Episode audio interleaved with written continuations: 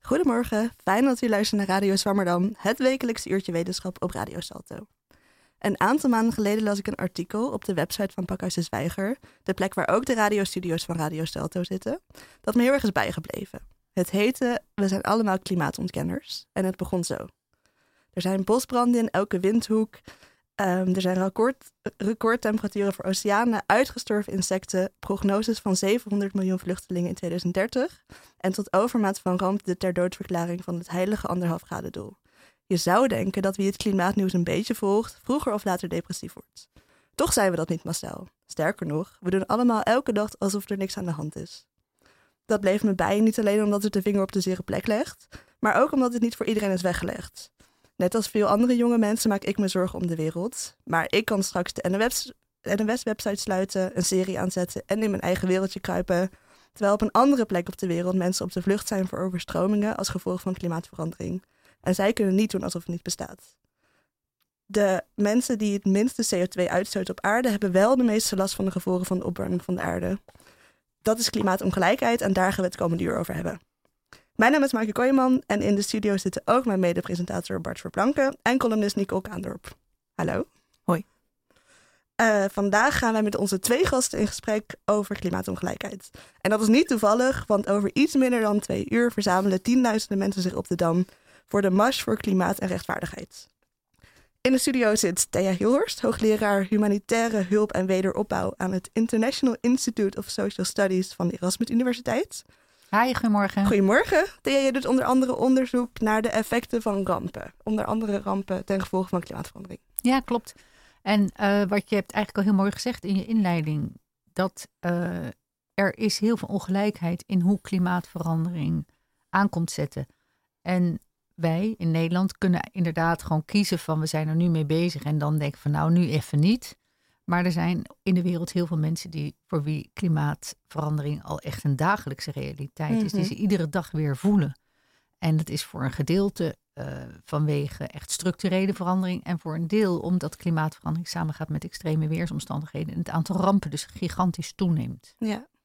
Nou, waar het in mijn studie om gaat, is dat wij uh, heel nadrukkelijk zeggen: het klimaat maakt eigenlijk niet effect. je moet het klimaat natuurlijk, we weten ook dat klimaatverandering zelf al door, door menselijk ingrijpen is ontstaan. Hè. Dat is nu, er zijn nauwelijks meer ontkenningen over te bedenken. Maar ook in zijn effecten roep ik erg op om het klimaat niet te verabsoluteren. Zo van het klimaat veroorzaakt, de klimaatverandering veroorzaakt. Nee, er is eigenlijk bijna altijd klimaatverandering ontstaat en dan moet je kijken, wat doet beleid, wat doen mensen, wat doen gemeenschap, wat doet de wereldgemeenschap, om te zorgen dat de effecten van klimaatverandering te dragen zijn, dat er aangepast kan worden. En daarin zie je ontzettend veel tekortschieten. En daarom zijn er zoveel mensen slachtoffer nu mhm. al van klimaatverandering. Ja, die slachtoffers zijn onder andere ook mensen uh, uit de inheemse gemeenschappen. En uh, we hebben in de studio ook Raki Ab zitten. Um, jij bent inheems activist voor mensenrechten en klimaat. Ja. Jij ook uh, heel erg welkom. Dankjewel. Gaan jullie zo naar de klimaatmars? Zeker. Ja. Ina, gelijk doorwandelen naar de Dam. Ja, gezellig. We gaan met z'n allen, toch? ja, zeker. We gaan uh, met de, de Radio Swammerdam crew. Um, ja, we gaan het dus vandaag hebben over klimaatongelijkheid. Uh, we hebben allemaal gehoord over de gevolgen van de opwarming opwarming van de aarde, de zeespiegel stijgt, er komt meer hevige regenval, meer overstromingen, zwaardere stormen en juist ook meer droogte en hitte, waaronder, uh, waardoor onder andere bosbranden ontstaan. Uh, en zulke rampen treffen voornamelijk gebieden in armere landen, terwijl daar dus de mensen wonen die aan de klimaatverandering zelf niet zo heel veel hebben bijgedragen. Thea, je hebt hier dus veel onderzoek naar gedaan. Hoe ziet dat er in de praktijk uit? Dat onderzoek? Um, ja, de, de, de rampen in de landen waar je bent geweest. Nou ja, wat wij uh, zien is steeds meer rampen. Rampen die worden ook heftiger. En mhm. ook rampen die uh, gebeuren op momenten dat je het niet verwacht. Omdat het weer onvoorspelbaarder is, heb je dus mm -hmm. vaker zo. Kijk, dat de regens komen wanneer ze komen, maar ze komen niet meer wanneer ze komen. Dus dan heb je net gezaaid en de plantjes die komen net een beetje boven de grond uit. En dan komt er een kletterende regen, ja, waardoor mm -hmm. alles weer wegspoelt. Bijvoorbeeld ja. op het moment dat je het niet zou verwachten. Dus dat geeft ook heel veel rampen. En wat je dan ziet is eigenlijk dat steeds vaker mensen ramp op ramp op ramp krijgen. Dus dat je eerst heb je een, eh, ja, zeg maar, ja, ik wil bijna zeggen de goede oude tijd, maar het slaat natuurlijk nergens op. Maar goed, dat er een, je hebt een ramp en dan hoop je eigenlijk dat je een, een periode hebt om daar weer van bij te komen. Mhm. En eh, dus de, je oogst mislukt, maar als het jaar daarna je oogst lukt, dan hou je dat meestal wel vol. Mensen kunnen zo twee, drie jaar zich vaak wel redden. Mhm. Met spaargeld, met andere dingen, met eh, andere oplossingen. Maar als het jaar op jaar op jaar gebeurt, kijk, dan kom je in één keer echt in de gigantische problemen en dan wordt het een overlevingskwestie. Mhm. En ben je op plekken geweest waar je dat bijvoorbeeld hebt gezien? Ja, nou, ik kom zelf eh, ook wel op plekken, maar minder dan je zou denken misschien. Omdat veel van mijn onderzoek, dat gaat via promovendi. Dus ik heb onderzoekers in het veld. Dus ik hoor vooral van hun ook de verhalen Ja. terug. Dus er is nu een uh, promovendus van mij die werkt in Bangladesh. Nou, daar zijn al tienduizenden mensen die zijn echt van huis en haard verdreven vanwege klimaatverandering. Maar ook uh, in India heb ik een promovenda die kijkt hoe mensen hun hele dorp verliezen omdat zo'n dorp dan in de rivier stort. Mhm. Nou ja, dat is heel belangrijk om je te realiseren dat dat zelden alleen maar door klimaatverandering komt. Dus dat komt ook door ja, slecht waterbeheer, slecht de, dat de rivieren niet goed worden gedrecht bijvoorbeeld, of uh, allerlei maatregelen niet genomen zijn, maar ook omdat die mensen daar wonen. Arme mensen wonen vaak op gevaarlijke plekken, of plekken waar ze veel risico lopen. En als zij niet ergens anders terecht kunnen, ja, dan moeten ze daar wel gaan wonen. Mm-hmm. Zou het dan ook zo zijn dat uh, als diezelfde uh, ramp of dreiging, of tenminste daar, ma daar maken jullie onderscheid ook tussen, daar kunnen we het zo even over hebben, maar als dezelfde storm um, of overstroming hier gebeurt, dat de, dat de schade veel minder groot zou zijn? Ja, zeker. Wij zeggen altijd. Uh, Uh, dat een, uh, ik, ik, moet lachen omdat ik nog even college ga geven op zondagochtend. Maar goed, wij zeggen altijd dat, ja, dat het mag. risico op een ramp, dat uh, is een soort pseudoformule. Dus het risico op de ramp, dat is de dreiging, dus bijvoorbeeld een overstroming, vermenigvuldigd met de kwetsbaarheid van mensen. En dat wordt dan weer wat ver, verzacht door maatregelen die er genomen worden. Dus een soort pseudoformule. Maar wat dit betekent is precies wat jij zegt. Dus een, een, een, een stormwind die in Nederland ontzettend, ja, eigenlijk gewoon wel leuk is. Hier en daar is een tak. Weet je, ga ik lekker naar het strand met mijn hondje. Die kan ergens anders, die kan echt een vreselijke ramp opleveren. Een heel schrijnend voorbeeld, een oud voorbeeld hoor, jaren negentig, dat een, um, bij een berg in, in San Salvador, nou daar waren mensen naartoe gekomen, die waren niet meer, die konden niet thuis blijven op het platteland vanwege oorlog en vanwege allemaal gedoe. Dus die waren naar de stad getrokken, konden nergens wonen, waren op een plek gaan wonen waar het eigenlijk helemaal niet mag, waar de berg best wel te stijl is om te bebouwen. Ja, halen dus ook wat uh, van de bomen weg en dergelijke. Dus die berg was heel kwetsbaar geworden. En dan komt er een windje, zeg ik maar even, een stormwindje. En bovenaan die berg begint dat te rollen. Want er is geen toplaag meer, dus dan gaan er wat huizen mee. Nou, en dan rolt het naar beneden in één grote lawine van huizen en van alles en nog wat. En beneden heb je 70 doden. Dus dat illustreert enorm hoe rampen ongelijk zijn en dus ongelijk treffen. En dus rampen door klimaatverandering ook. Mm-hmm. Ja. En dat hangt misschien een beetje samen, want je zei oorlog net. Je hebt Mhm. ook veel onderzoek gedaan naar rampen in conflictgebieden en dat Ja. daar meer doden vallen. Hoe zit Ja. dat precies? Nou ja, als je je rekenschap geeft dat klimaatverandering zelf niet de oorzaak is van allerlei dingen die er nu gebeuren, maar dat er mens, menselijke handen tussen zit. Dan heb ik dus in ongeacht nog het menselijke handen dat klimaatverandering veroorzaakt, maar dan als het er al is. Nou, dat is met name in oorlog zijn mensen extra kwetsbaar. In oorlog werken de, de, de waarschuwingssystemen ook niet meer vaak. Maar ook mensen, zeker als al een tijd oorlog is, dan zijn ze steeds, hebben ze gewoon steeds minder middelen. Misschien werkt de gezondheidszorg ook niet meer. Uh, de overheid kan niet ingrijpen. Zelfs hulporganisaties kunnen soms mensen niet bereiken. Dus wat je ziet is, en dat wordt echt heel vaak vergeten. Mensen denken van, oh, er is of een oorlog of er is een ramp. Mhm. Maar een ramp wacht echt niet aan de grens tot de oorlog voorbij is. Dus er zijn ook in oorlogsgebieden rampen. En 30% van de rampen gebeuren in oorlogsgebieden. Denk je nou 30%, oké, okay, maar 60% van de totale doden van rampen zijn ook in de oorlogsgebieden. Dus die zijn echt heel veel dodelijker, die rampen. Ja. En heb je het over. Nou, een heel goed voorbeeld is natuurlijk die, die aardbeving die in Turkije was aan Mhm. het begin van het jaar en ook in gedeeltes van Syrië. Ja, dan is in Syrië is de schade gewoon veel groter. Want mensen die kunnen daar nergens naartoe, die hebben geen hulp. Het duurt veel langer voor de hulp op gang komt. Er waren nog economische sancties die moesten opgeheven worden. Dan werden ze wel opgeheven voor, voor voedsel, maar niet voor graafmachines. Nou ja, dan stapel, stapelen die effecten maar door. Mhm, Ja. En andersom schrijf je, gebeurt dat ook. Dus een conflict, eh, een, een, een conflict verergert de gevolgen van de ramp, Mhm. maar een ramp verergert ook het conflict. Ja, dat kan zeker gebeuren. En dat is statistisch iets minder duidelijk aan te Mhm. tonen, omdat dat heel erg via via loopt, die effecten van rampen op conflict.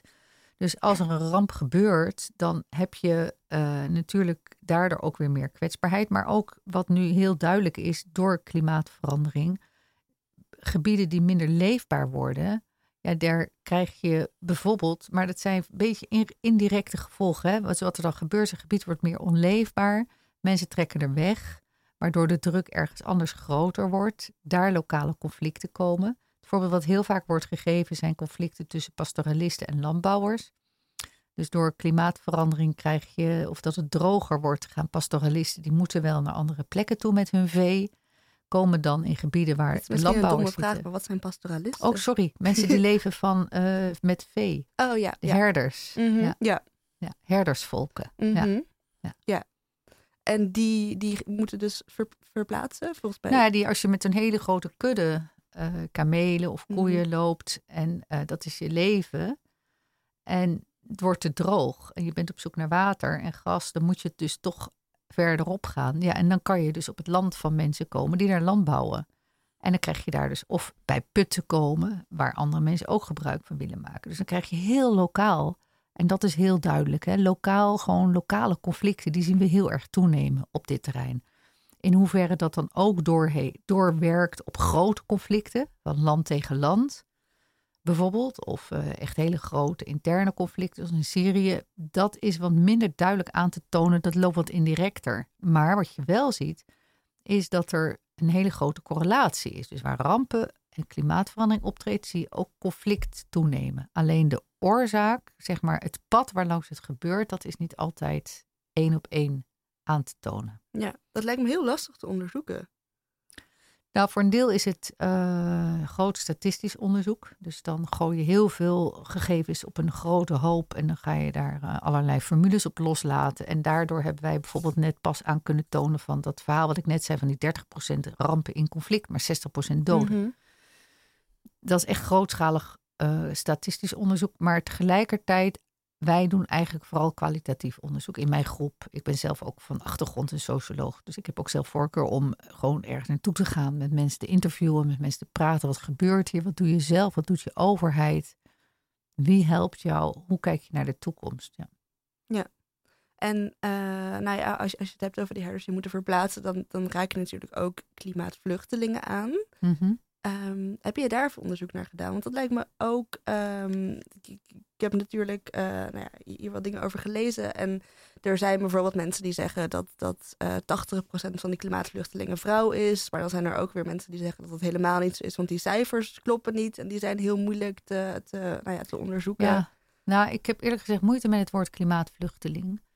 Omdat je dan per ongeluk toch weer suggereert dat het klimaat mensen wegstuurt. Ja. Het klimaat mensen op drift brengt. En dat is niet waar. Als mensen, eh, ja, ik noem maar even, dus bijvoorbeeld hè, als mensen afhankelijk zijn voor hun landbouw van de regen, ja, dan wordt zo'n gebied natuurlijk eerder onleefbaar door klimaatverandering. Als daar op de een of andere manier gewerkt kan worden met irrigatie, dan zijn ze veel minder afhankelijk van wanneer komt de regen. Wanneer komt de regen precies? Ja, dan zouden ze daar kunnen blijven wonen. Dan hoeven ze niet weg. Dus klimaatvluchteling, dat suggereert bijna van nou, we kunnen er niks meer aan doen. Het klimaat verandert en hup, iedereen die is maar aan het eh, vluchten. Dus dat is heel misleidend aan die term. Wat ik er ook misleidend aan vind, maar dat is misschien wel al iets te veel voor de fijnproever. Volgens de ehm, definitie van een vluchteling ben je een vluchteling als je naar een ander land gaat. Terwijl overgrote meerderheid van mensen die op drift raken omdat ze hun huis kwijt zijn of niet meer kunnen leven in hun eigen omgeving, die blijven in hun land. Maar die gaan naar de stad, die gaan ergens anders naartoe. Dus daardoor ontstaan allerlei problemen in landen.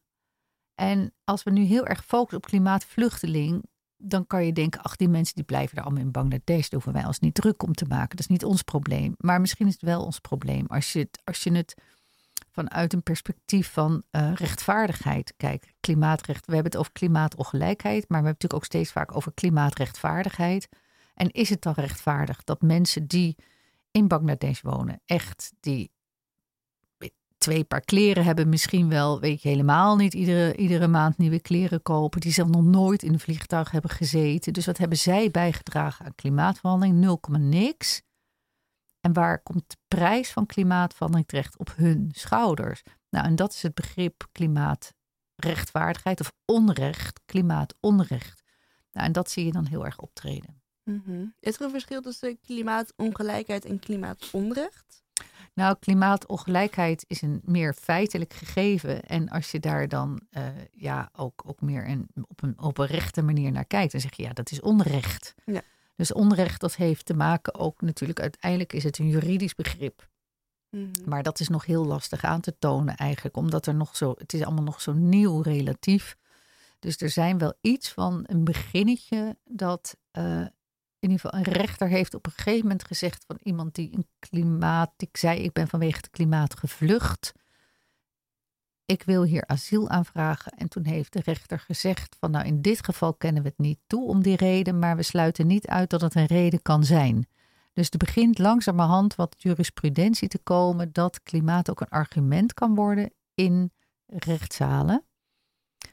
Maar los daarvan is het ook, ja, je voelt op je klompen wel aan dat dat niet rechtvaardig is. Dat mhm. zeg maar eventjes heel plat gezegd, wij de grote veroorzakers zijn van klimaatverandering en ergens anders mensen die prijs betalen. En er is een heel belangrijk principe, de vervuiler betaalt. En dat is ook vastgelegd in het recht. Hè? Ook hier in Nederland bijvoorbeeld, als jij, uh, ja, weet ik veel, je afval ergens dumpt, dan zou je toch echt eventjes voor de rechter gesleept worden. De vervuiler betaalt.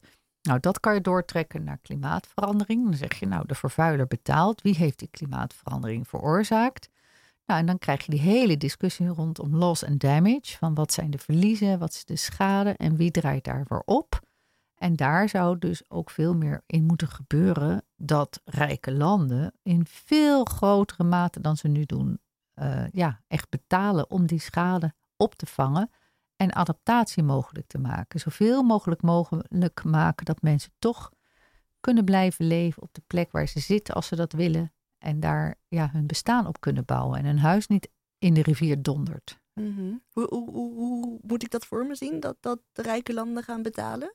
Hoe zou nou, dat er in de praktijk uitzien? Dat is al, uh, daar zijn heel vergaande discussies over. Er zijn al fondsen internationaal voor klimaatadaptatie. En nu zijn er vergaande ehm, besprekingen om daar ook fondsen aan te koppelen voor loss and damage. Dus dat je echt uiteindelijk zegt tegen mensen die ja, echt alles kwijt zijn geraakt: van nou, we gaan ook een financiële tegemoetkoming doen, zodat je ook weer ergens anders de draad op kunt pakken. Ja, dan moet het natuurlijk wel goed in kaart zijn gebracht wie wat is kwijtgeraakt. En, en in, in die zin, ik denk dat het juist ook omdat het zo ver weg is, misschien heel onbekend is. Nou, dat is inderdaad natuurlijk niet makkelijk, maar wel belangrijk om het te doen. Omdat dat idee van de vervuiler betaalt, daar moeten we gewoon echt mee aan de slag. Daar kunnen we niet omheen, omdat het toevallig ingewikkeld is om het uit te voeren. Ja. Dus ik zou denk ik dat dat zeker wel moet gaan gebeuren. En um, ja, we moeten het gaan zien. Het, is, het, is, het wordt steeds belangrijker. Ik hoor steeds meer mensen hierover praten hoor. Het is wel echt een, een, een, een realiteit aan het worden. Mhm. Ja, volgens mij is het dus, uh, heet de mars straks, het heette de klimaatmars, maar nu is het volgens mij voor het eerst de mars voor klimaat en rechtvaardigheid. Ja, dat vind ik wel uh, nou ja, een, een interessante en belangrijke ontwikkeling ook, denk ik. Ja, en dan hoop ik dat er ook echt wereldwijd gekeken wordt, want uh, ik heb nu ook een paar keer meegedaan met dit soort demonstraties en dan valt me erop. En dat is ook logisch. Mensen die denken toch vanuit hun eigen leefwereld, ook mensen die demonstreren en, en daar voortdurend ook aan blijven herinneren van ja, kijk eens naar de wereld, kijk naar de schaal van de wereld. Waar is klimaatverandering het heftigste? Wie betaalt de prijs? Wat hebben die bijgedragen? Nou, dus bijna niets. Dus daar zit onrecht, een heel erg groot onrecht. Mm Ja. Ik noemde net natuurlijk ook, uh, of tenminste even kort, dat de meeste, nou ja, laten we het toch even klimaatvluchtelingen noemen. Of in ieder geval mensen die verhuizen om, als, als gevolg van uh, de effecten van klimaatverandering. Is, is, is dan misschien treffender. Ja. Um, dat er, er, er, wordt gezegd dat dat voornamelijk vrouwen en meisjes zijn. Um, er wordt wel in meer contexten ook gepraat over um, hoe, hoe klimaat, mm nou ja, rampen um, hoe de gevolgen van klimaatverandering in elk geval ja. buitenproportioneel veel effect hebben op vrouwen. Ja. Heb jij daar meer voorbeelden van? Jazeker, maar het is ook, je moet een heel klein beetje oppassen, vind ik. Want uh, als je zegt, dat hoor ik wel vaker, dan wordt er gezegd in meerderheid zijn het vrouwen en kindertjes. Jij zei vrouwen en meisjes, maar het wordt vaak ook gezegd in meerderheid zijn het vrouwen en kindertjes denk ik, ja, in iedere bevolking is de meerderheid vrouwen en kindertjes. Weet je wel, dus je moet een beetje opletten met hoe je met die statistieken speelt. En, en, en dat je ook niet per ongeluk uh, ja, veel te grote uitspraken doet. Veel te algemene uitspraken doet. Maar het is zeker zo. Kijk, het volgt heel logisch uit wat ik eerder zei in mijn mini-collegetje van een dreiging of, een, of een, ja, de, het risico op een ramp is de dreiging maal de kwetsbaarheid en verminderd met maatregelen. Nou, kwetsbaarheid van vrouwen is groter. Er is, uh, we praten heel veel ook over genderongelijkheid. Uh, vrouwen hebben minder bezit. Vrouwen hebben minder inkomen. Vrouwen die hebben de, uh, de zorg vaak voor de kinderen onevenredig op de rug van vrouwen. Soms ook voor het inkomen van het gezin. En dus vrouwen die dragen heel veel verantwoordelijkheden en hebben lang niet altijd de middelen om die verantwoordelijkheden ook te kunnen dragen. Omdat de overheid ze niet helpt of allerlei andere zaken. Of omdat ze geen bezit kunnen hebben. Nou, dus als, en ze zijn ook in hun bewegingsvrijheid soms belemmerd. Dat ze ook niet makkelijk, bijvoorbeeld ga maar als vrouw in je eentje zeggen van nou ik ga maar naar de grote stad met mijn kindje. Het kan heel vaak niet. Wat ik bijvoorbeeld heel schrijnend vond in Nepal na de aardbeving daar. Dat heel veel vrouwen die hadden niet eens een persoonsbewijs. Want hmm. die zijn gewoon, ja, ze zijn de vrouw van hun man. Dus hun man heeft een persoonsbewijs. Maar die aardbeving gebeurde op het moment dat heel veel mannen er niet waren. Die waren gewoon verderop, weet je, seizoensarbeid aan het doen bijvoorbeeld. Dus die hadden hun persoonsbewijs bij zich. Dus die vrouwen hadden geen persoonsbewijs, konden ze geen hulp krijgen. Want je kon alleen hulp krijgen als je een identiteitsbewijs had. Nou, dat soort dingen is natuurlijk wel heel schrijnend. En op die manier zijn er allerlei uh, mechanismen waardoor vaak vrouwen zwaarder getroffen worden. Mhm. Ik heb ook vaak gelezen dat, dat er bijvoorbeeld meer geweld tegen vrouwen wordt gepleegd na een ramp, tijdens een ramp. Ja, dat, is een, uh, dat kan. En er is geweld is, uh, tegen vrouwen gebeurt heel veel. Of het na een ramp meer gebeurt, dat hangt ook eigenlijk af van hoe geweld in die samenleving al een rol speelt voor de ramp. Dus zeg maar, wij spreken als in een samenleving waar vrouwen worden gerespecteerd en waar geweld tegen vrouwen zeldzaam is, dan zal het ook na de ramp zeldzaam blijven. Samenlevingen waar ongelijkheid groot is, waar al veel geweld is, dan zal je na een ramp zien dat het toeneemt. Uh, daarnaast zijn er ook vaak uh, verhalen over. En dan weet je soms niet van hoe diep gaan die verhalen, hoe waar zijn ze. Bijna na iedere ramp hoor je ineens dat er mensensmokkelaars vrouwen ronselen. En heel vaak hoor je later daar niks meer van terug. Dan bleek dat toch niet helemaal zo te zijn. Dus er zit ook een angst bij rampen van dat dat gaat gebeuren, waardoor dat al rond gaat zingen. Oh ja. Oh, dat is wel uh, ja, interessant. Dat dat ook een beetje die verhalen zo de wereld in brengt. Ja, er gaan altijd verhalen bij rampen. Dus ook bijvoorbeeld, let er maar op, als er een ramp is, grote ramp, dan krijg je altijd na twee, drie dagen in de media van nu gaan mensen plunderen. Mhm. Nu gaan mensen plunderen. Nou ja, als je dat onderzoekt aan mensen gaan helemaal niet zo snel plunderen. Het is echt niet zo dat het een soort anarchie wordt als er een ramp is. En B, als je de beelden analyseert, dan zijn het soms beelden van, van een ramp van zes jaar geleden. Die je dan ziet van, dan zie je ineens mensen, weet je wel, met van die tv's uit een winkel eruit komen, weet je wel. En die dan even daar gebruik van maken. Dat is natuurlijk ook anders dan mensen die gewoon echt niks meer te eten hebben. En op een gegeven moment gewoon ja, bij de kruidenier langs gaan en gewoon die verlaten is, die zelf weg en daar eten halen. Maar dan zie je echt van die televisies en zo ronddragen. Mhm. Nou, eigenlijk, dat is echt ook weer zo'n mythe. Zo'n verhaal wat dan rondgaat. Soms is het waar, maar heel vaak is het ook niet waar. Ja, dat kan ik me voorstellen. We nemen even, uh, of nou ja, ik wilde zeggen een pauze, maar um, dat is eigenlijk helemaal niet. We, gaan uh, luisteren naar een column van Nicole Kaandorp. Die heeft geschreven over uh, klimaatongelijkheid. ik ben heel benieuwd. Nou, ik zal hem voorlezen. Uh, hallo iedereen. Het is herfst en nat en koud. En om mezelf te troosten voor de zoveelste regen in mijn sokken ben ik de laatste tijd weer een computerspelletje uit mijn tienerjaren aan het spelen. Het heet City Skylines en het lijkt een beetje op SimCity. Je kunt er een stad in bouwen en verder eigenlijk niks. Eerst begint het klein met een paar opties voor wegen en een paar gebouwen, een pomp, water uit de rivier, een windmolentje. En dan groeit het en dan groeit het. Scholen, politiestations, bussen, rotondes, havens, treinen. En elke keer dat een rood balkje zegt dat er niet genoeg stroom voor al die dingen is, zet ik een nieuwe windmolen naast die andere en dan daar weer naast en dan daar weer naast.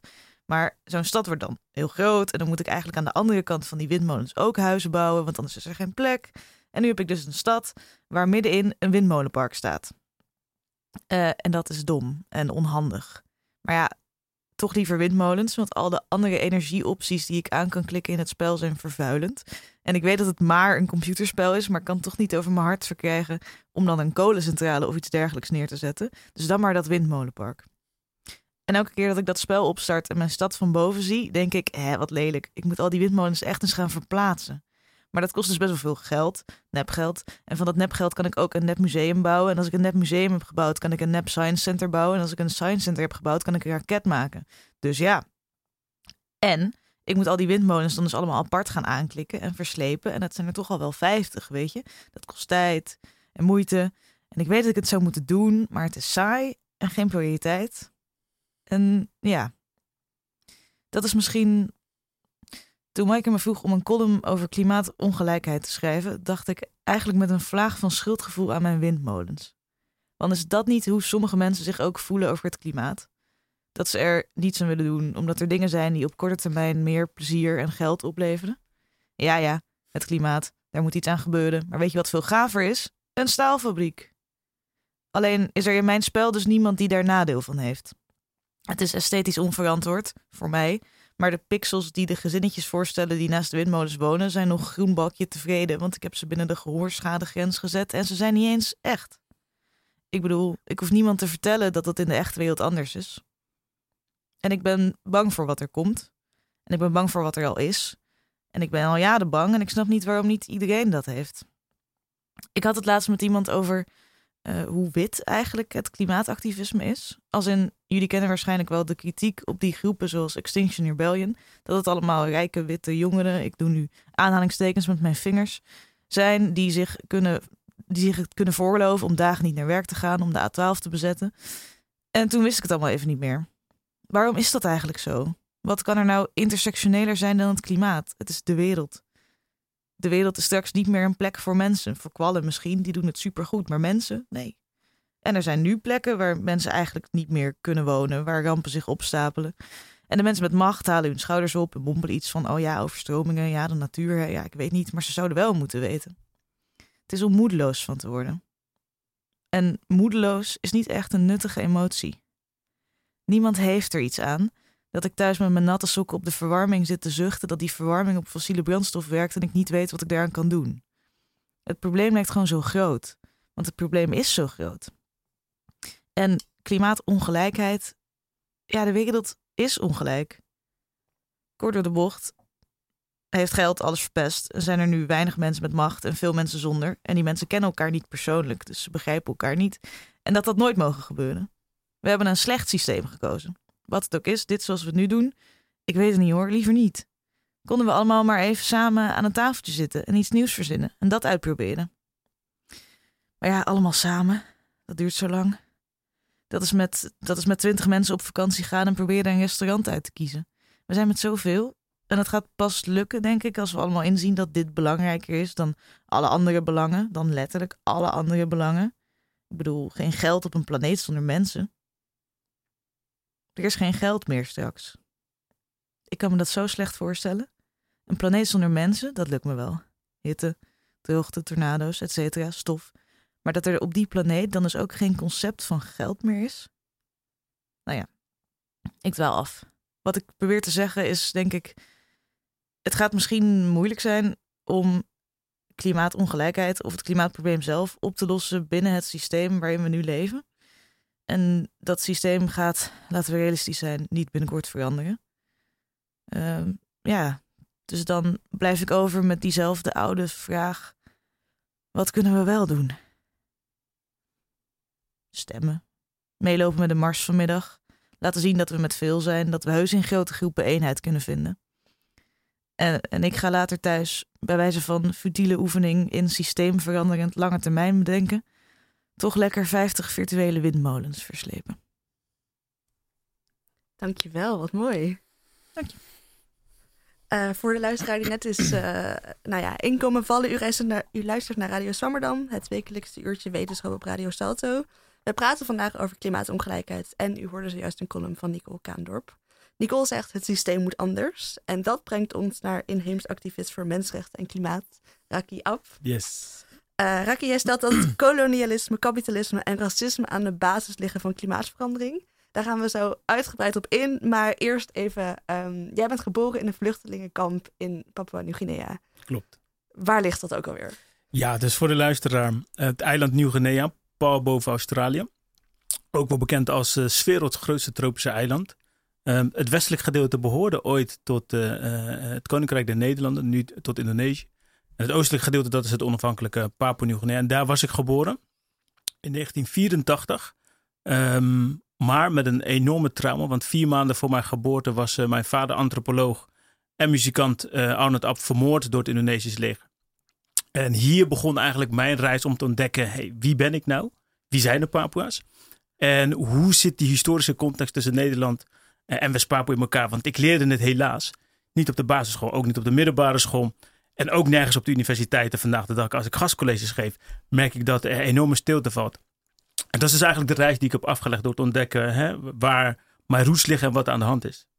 Ja, en uh, we hebben het vandaag over. Oh, sorry, ik gooi mijn flesje water even om. Um, we hebben het vandaag over klimaatongelijkheid. Wat heeft dat hier precies mee te maken?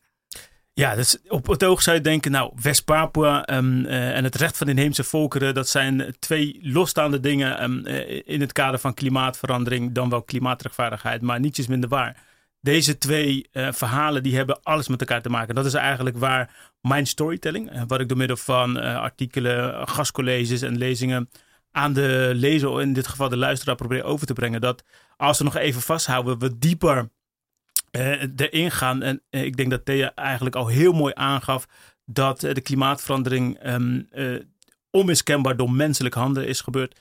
En in mijn verhaal wordt dat heel goed zichtbaar, maar voornamelijk ook voelbaar. Want wat ik naar voren brengt door middel van het verhaal van de Papua's. Ik schets altijd dat het grootste tropische eiland ter wereld is. Het huisvest, het derde grootste regenwoud. En, en toch weten heel weinig mensen, ook binnen de klimaatbeweging, wat er op zo'n belangrijk frontliniegebied uh, gebeurt. Je zou verwachten dat alle milieuorganisaties snappen wat er op zo'n gebied gebeurt. Maar de werkelijkheid is dat niemand, dat mijn verhaal eigenlijk heel veel mensen over het inclusief groene politieke partijen, hun wetenschappelijke bureaus, die mij uitnodigen om een podcast te doen, Waarom? Omdat um, de lagen die ik naar voren breng, kolonialisme, kapitalisme en racisme, eigenlijk die intersecties tussen elkaar, um, die is voor heel veel mensen nog onduidelijk. Um, om even bij het begin te beginnen. West-Papua was dus een oude kolonie van Nederland.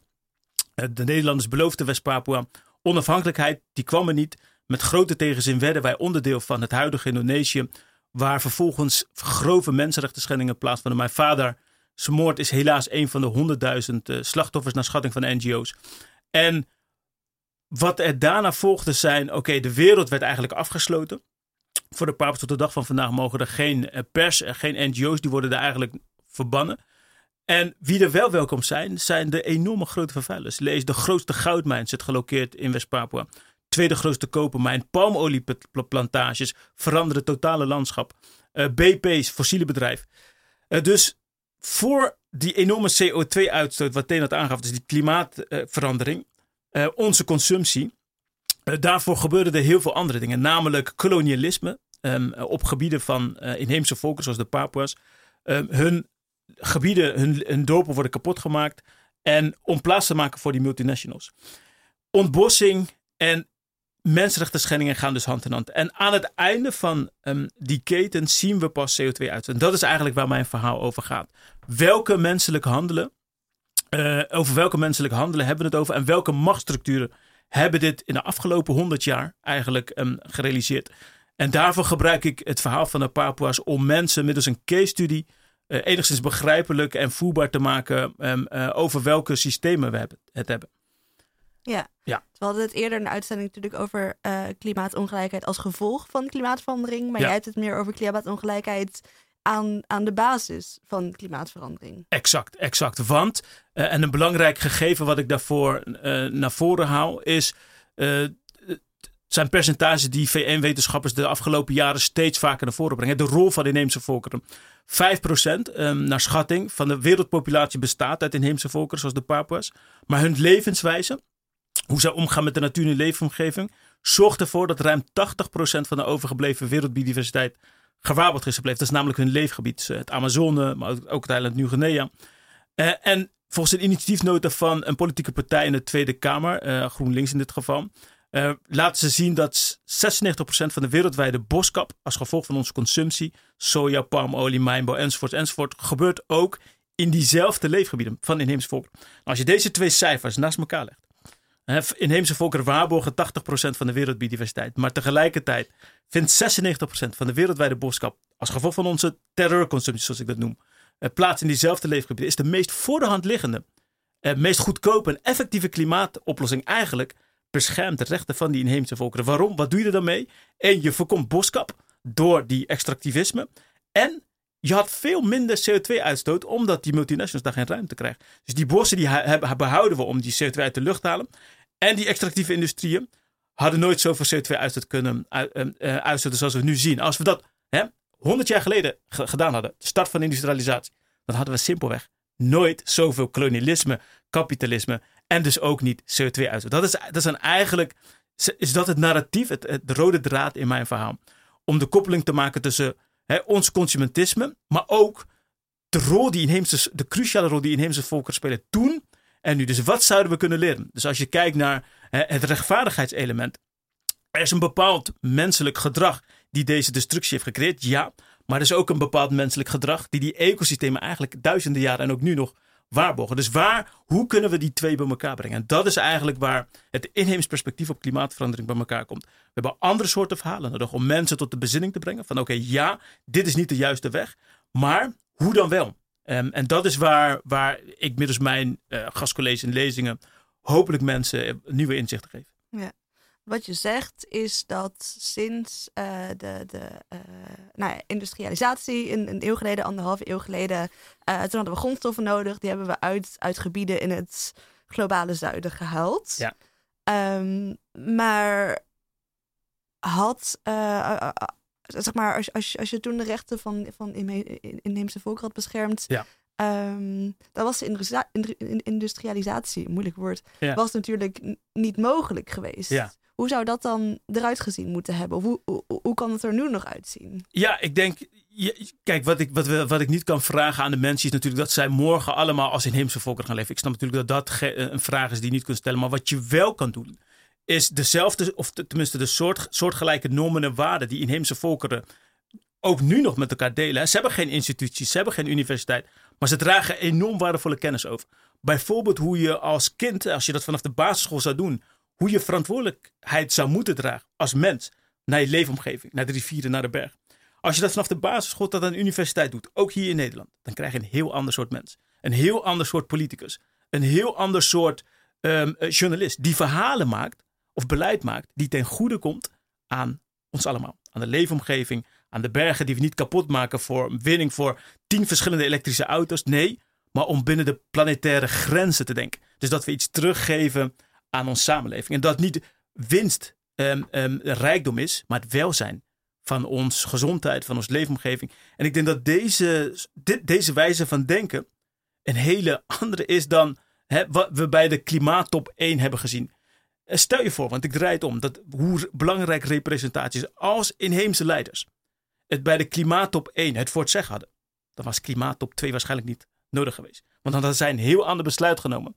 Als de leiders die we nu ook bij de aankomende klimaattop 28 in Dubai gaan terugzien. Dus de positionaliteit van de mensen die het voor het zeggen hebben, is cruciaal.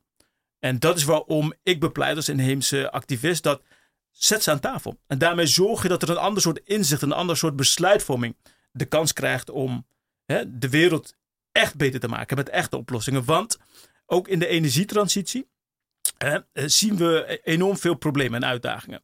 Inheemse volkeren hebben af, begin dit jaar al bepleit bij de VN over groen kolonialisme. Hè? De mineralen die we nodig hebben voor onze zonnepanelen, batterijen. Ja, ik ben daar voorstander voor. Maar er zit een hele grote maar. Het moet op een rechtvaardige manier gaan.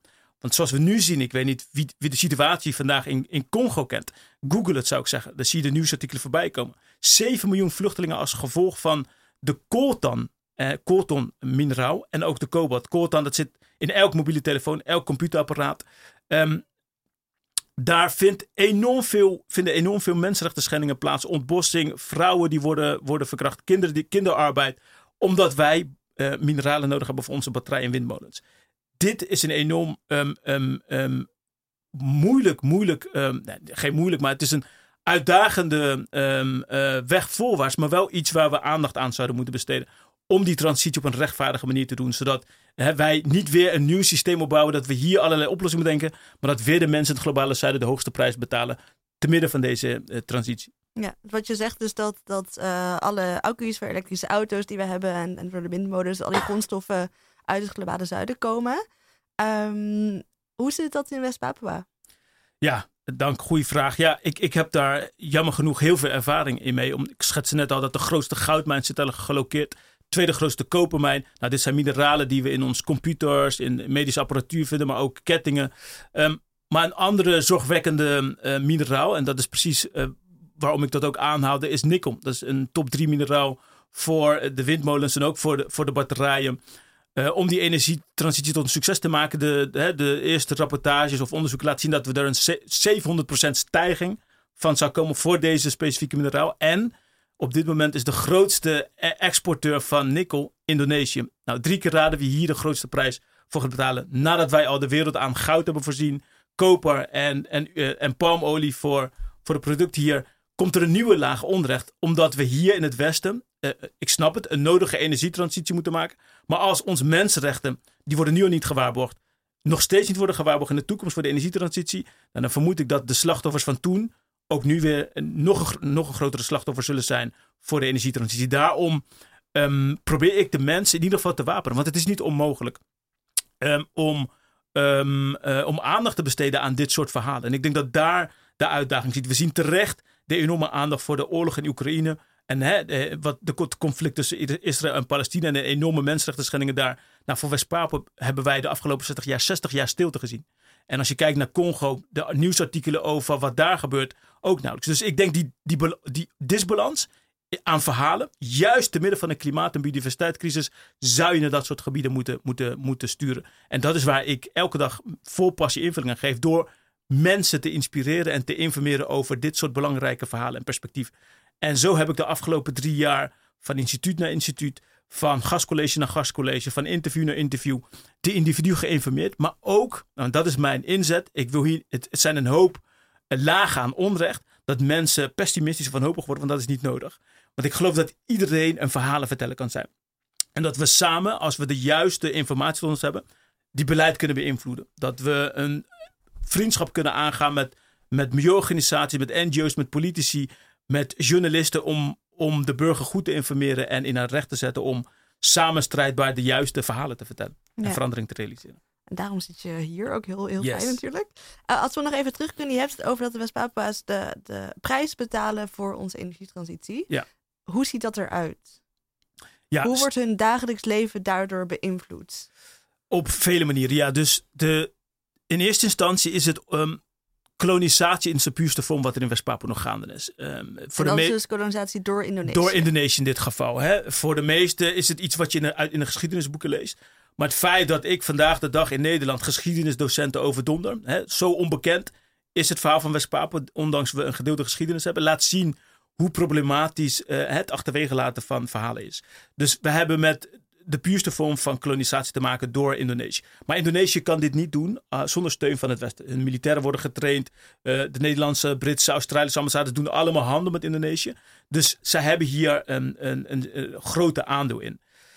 Wat het um, netto betekent voor de Papua's is: stel je voor dat de grootste goudmijn hier in Utrecht gevestigd is, hier in Nederland. En dat als gevolg van die mineraalwinning um, niet de Papua's, maar dat het hele Utrechtse heuvelrug vernietigd en verontreinigd is. Onleefbaar.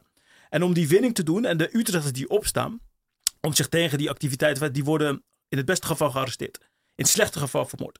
En dat inmiddels, Zoals met jouw vader. zoals met mijn vader. En inmiddels, dat laat de rapportage zien, is een vierde van de Papua's vermoord door het Indonesische regime als gevolg van die multinationale activiteit. Stel je voor dat een vierde van de Nederlanders is vermoord als gevolg van een gaswinning in Groningen. Er is geen enkele Nederlander die het zo... Dit, het is deze pijn. Dit is maar één bedrijf. En dan heb je BP, Unilevers. Ons hele landschap is vernietigd. We zijn de rijkste provincie van Indonesië, maar leven als de armste burger van Indonesië. Als derdrangsburger. Het is, je bijna niet voor te stellen. Anno 2023. En dat de pers geen toegang krijgt, al 60 jaar niet. Zelfs niet Nederlandse ambassadeurs. Um, en dat je, er is geen gezondheidszorg. Nauwelijks. De mensen die de baantjes krijgen zijn migranten uit andere delen van Indonesië. Um, ja, hoe zou je je voelen? En dit is exact hoe wij ons de afgelopen 60 jaar hebben gevoeld. Maar zijn wij machteloos? Nee. En dit is waarop ik inzoom. We hebben de Papua's um, gemobiliseerd, geïnformeerd. Om ons te verzetten tegen die multinationale onderneming. Om ons te organiseren om West-Papua op de internationale agenda te krijgen. En dan lijkt, denk je inderdaad, oh, wat heeft die strijd van de West-Papua's nou te maken met de ja, En dat, is, dat zijn de lagen die ik net vertel. De koppeling tussen ontbossing, tussen eh, eh, winning van grondstoffen ten behoeve van onze consumptie en nu de energietransitie. Al deze vormen van extractivisme liggen ten grondslag aan, een, aan de klimaatcrisis. En overkomen heel veel inheemse volkeren. Helaas niet alleen de Papua's. Maar in West-Papua is dit een van de vele verhalen uh, die wij dagelijks meemaken. Om, uh, om, ja, om te strijden. Dus in eerste instantie is ons klimaatrechtvaardigheidsverhaal niet uh, zonnepanelen of elektrische auto's. Nee, hoe overleven wij vandaag tegen die terreur van die bedrijven en de overheid? En als we dat overwinnen, dan kunnen we meedenken om die bossen weer te waarborgen waar we allemaal baat bij hebben. En dat is een beetje het narratief wat ik, wat ik naar voren breng om de luisteraars en, en, en, en de participanten bewust te maken. Waar liggen de uitdagingen, maar ook de kansen? Als we dit soort mensen helpen, eh, kunnen we heel veel um, leed aan ecosysteem voorkomen en met echte klimaatoplossingen komen. -hmm. Je hebt het ook over andere inheemse volkeren. Welke, uh, heb je daar meer voorbeelden van? Of Thea, misschien jij ook wel? Ga je gang. Ja, nou, het Amazon is natuurlijk een hele goede voorbeeld van. Hè? Mm -hmm. Het grootste tropische regenwoud ter wereld. Nou, daar zie je ook hoe sojaplantages, uh, leefgebieden van uh, inheemse volkeren. Als je die rapportages leest die ik neem, twee inheemse leiders per, of één inheemse leider per week. Wordt er vermoord als gevolg van dan wel veeteelt of landbouw, dan wel soja plantages. En die soja, hè, die cynisch genoeg, na de, vaak heel veel, de grootste importeur van soja in Europa zijn, de, is de Nederlandse landbouwsector. Hè, voor, om de Nederlandse koeien bijvoorbeeld te voeden. Dus ja, ziet... want dat, dat, volgens mij is inderdaad dat, dat natuurlijk een groot misverstand dat de soja alleen door de vegetariërs en veganisten wordt gegeten, terwijl het in principe voor veevoer is. Soja van de Amazone is voornamelijk voor veevoer ja. voor, voor, voor, Nederlandse boeren. Dus je ziet hier een enorme um, parallel tussen landbouw Nederland en onrecht in, in, in de Amazone bijvoorbeeld. Maar Clea, misschien dat jij er nog wat op. Nou, ik heb gewoon een vraag. Mag Ja. ik ook een vraag stellen? Oh, zeker. Ja, nee, graag. ja, ik heb gewoon niet zo vaak de kans om met iemand te praten van West-Papua. En eh, als je het over die nikkel hebt, hè, Ja. dan als ik naar jou luister, dan denk ik meteen kappen met die nikkel. Gewoon niet. Ja. Mijn dicht, wegwezen. Aan de andere kant kan ik ook weer zeggen, van, ja, nikkel is ook een hele belangrijke grondstof.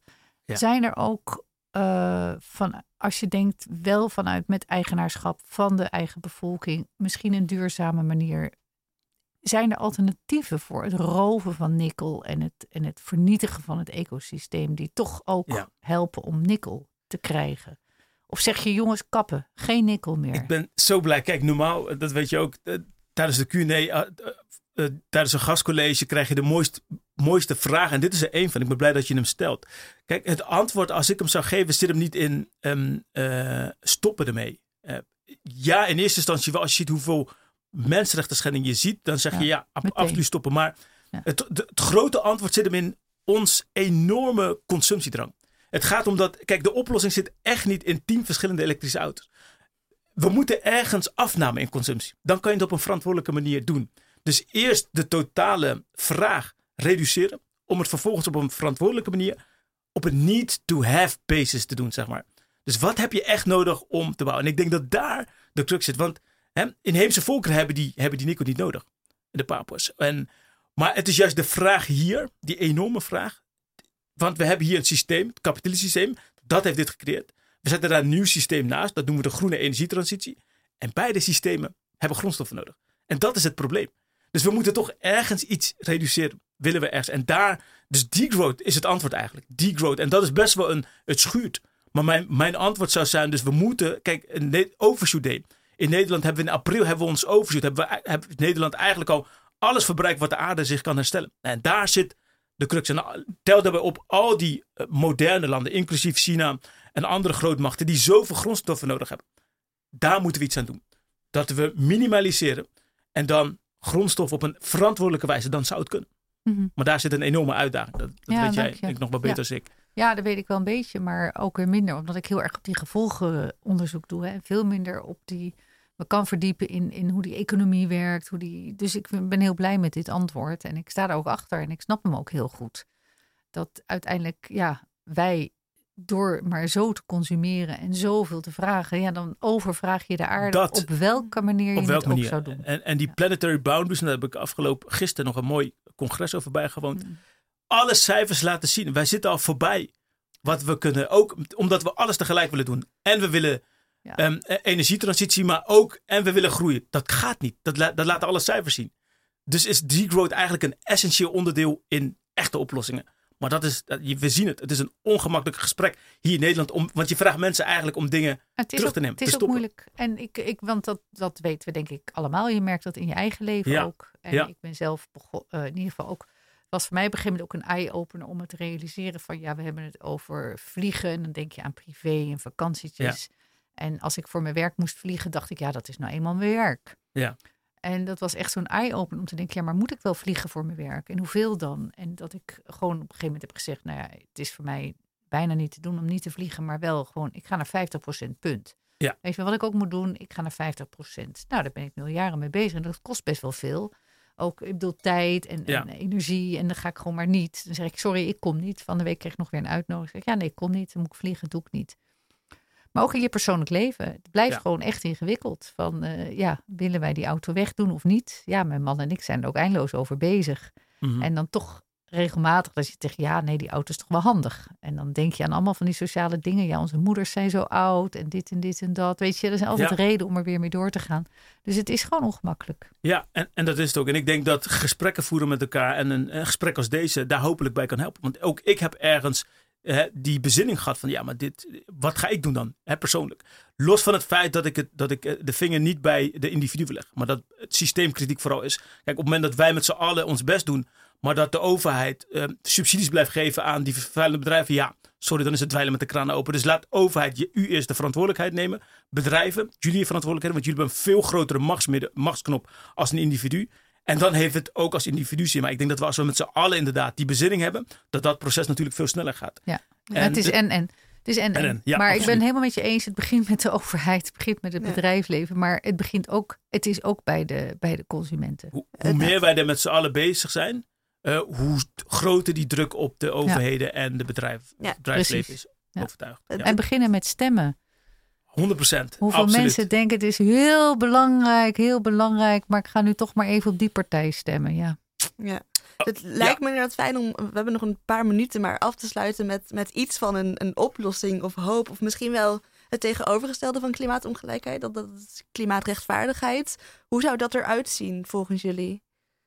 Nou, ik heb net van jou al best wel veel gehoord. ja, zeker. Ja, nou, ik denk dat ehm, het gesprek met Thea, maar ook column van uh, Nicole en uh, wat jij zelf, Maaike, de vraag die je stelt en wat, wat ik heb bijgedragen, dat je je probeert in te voelen in de urgentie. Ik denk dat dat een hele belangrijke is. Ik denk dat verhalen en gesprekken beluisteren daarin kan helpen. Om vervolgens je eigen uh, in te zien. Ik ben ervan overtuigd dat iedereen een superheld kan zijn. Als je denkt van nou, ik, ik ben machteloos. U heeft zojuist geluisterd naar een trotse praktisch opgeleid. MBO 2 opleiding. Maar ik heb me door niks en niemand laten gek maken. Simpelweg omdat ik me uh, de, de, urgentie voel. En ik probeer die urgentie over te brengen om de ander in, in zijn of haar kracht te zetten. Om zelf de volgende stap te zetten. En, en als je je inleest en uh, gelijkminded voelt, dan ben je tot heel veel toe in staat. Dat hebben we laten zien uh, in de, het beëindigen van de slavernij, apartheid, het winnen van de vrouwenrechten, werkrechten. Dat, zijn, dat komt nooit van de macht. Maar door mensen die zich mobiliseren, informeren en, en verandering eisen. Ja. Amen. Stemmen dus, naar de mars gaan. Wat zijn andere manieren waarop mensen uh, bij kunnen dragen aan de verandering? Nou weet je, die urgentie die spreekt mij ook heel erg aan. Omdat uh, normaal zou je denken, ja verandering, dat uh, is lange termijn werk. Dan moet je, weet je wel, voetje voor voetje, persoon voor persoon en noem maar op. Maar ik voel die urgentie ook. En dat is ook een van de redenen waarom ik zelf uh, op een gegeven moment ook toen Extinction Rebellion aan mij vroeg van joh, wil je meedoen en kom je op de A12 een verhaal houden, dat ik daar ook niet lang over hoefde te aarzelen. Omdat ik denk, op dit moment, als uh, de democratie zo tekortschiet en zo langzaam gaat, dan is burgerlijke ongehoorzaamheid echt een legitiem antwoord op wat we zien gebeuren. Want die urgentie moet er gewoon komen. Dus in die zin sta ik daar ook heel erg achter dat we gewoon met z'n allen mobiliseren en daar ook natuurlijk niet met geweld, maar wel degelijk proberen het systeem echt wakker te schudden. Want als je het maar op zijn beloop laat en nog een taakgroepje en nog een werkgroepje, helaas is die urgentie daar niet mee gediend. Dan duurt het gewoon zo lang. Ja. Het moet. Uh, oh, ik hoorde outro-muziek al. Maar dit lijkt me een fijne afsluiter. Over een uur begint uh, de klimaatmars uh, op de Dam. Ik wil Thea Heelhorst en Raki Ab heel hartelijk bedanken voor het interessante gesprek. Dank ook aan Nicole Kaandorp. Die heeft vandaag de column geschreven en voorgelezen. Heel erg mooi. En dank aan Max Waterreus en Bart Verplanken. Die vandaag de techniek hebben verzorgd. Je luistert naar Radio Swammerdam, het wekelijkse uurtje wetenschap op Radio Salto. Deze uitzending is binnenkort terug te luisteren als podcast op je favoriete podcastkanaal. Daar vind je ook onze eerdere afleveringen. Volg ons ook op Instagram en Twitter om nooit meer iets te missen. Mijn naam is Maaike Kooijman en volgende zondag om 11 uur op Radio Salto zijn we weer terug met Radio Swammerdam.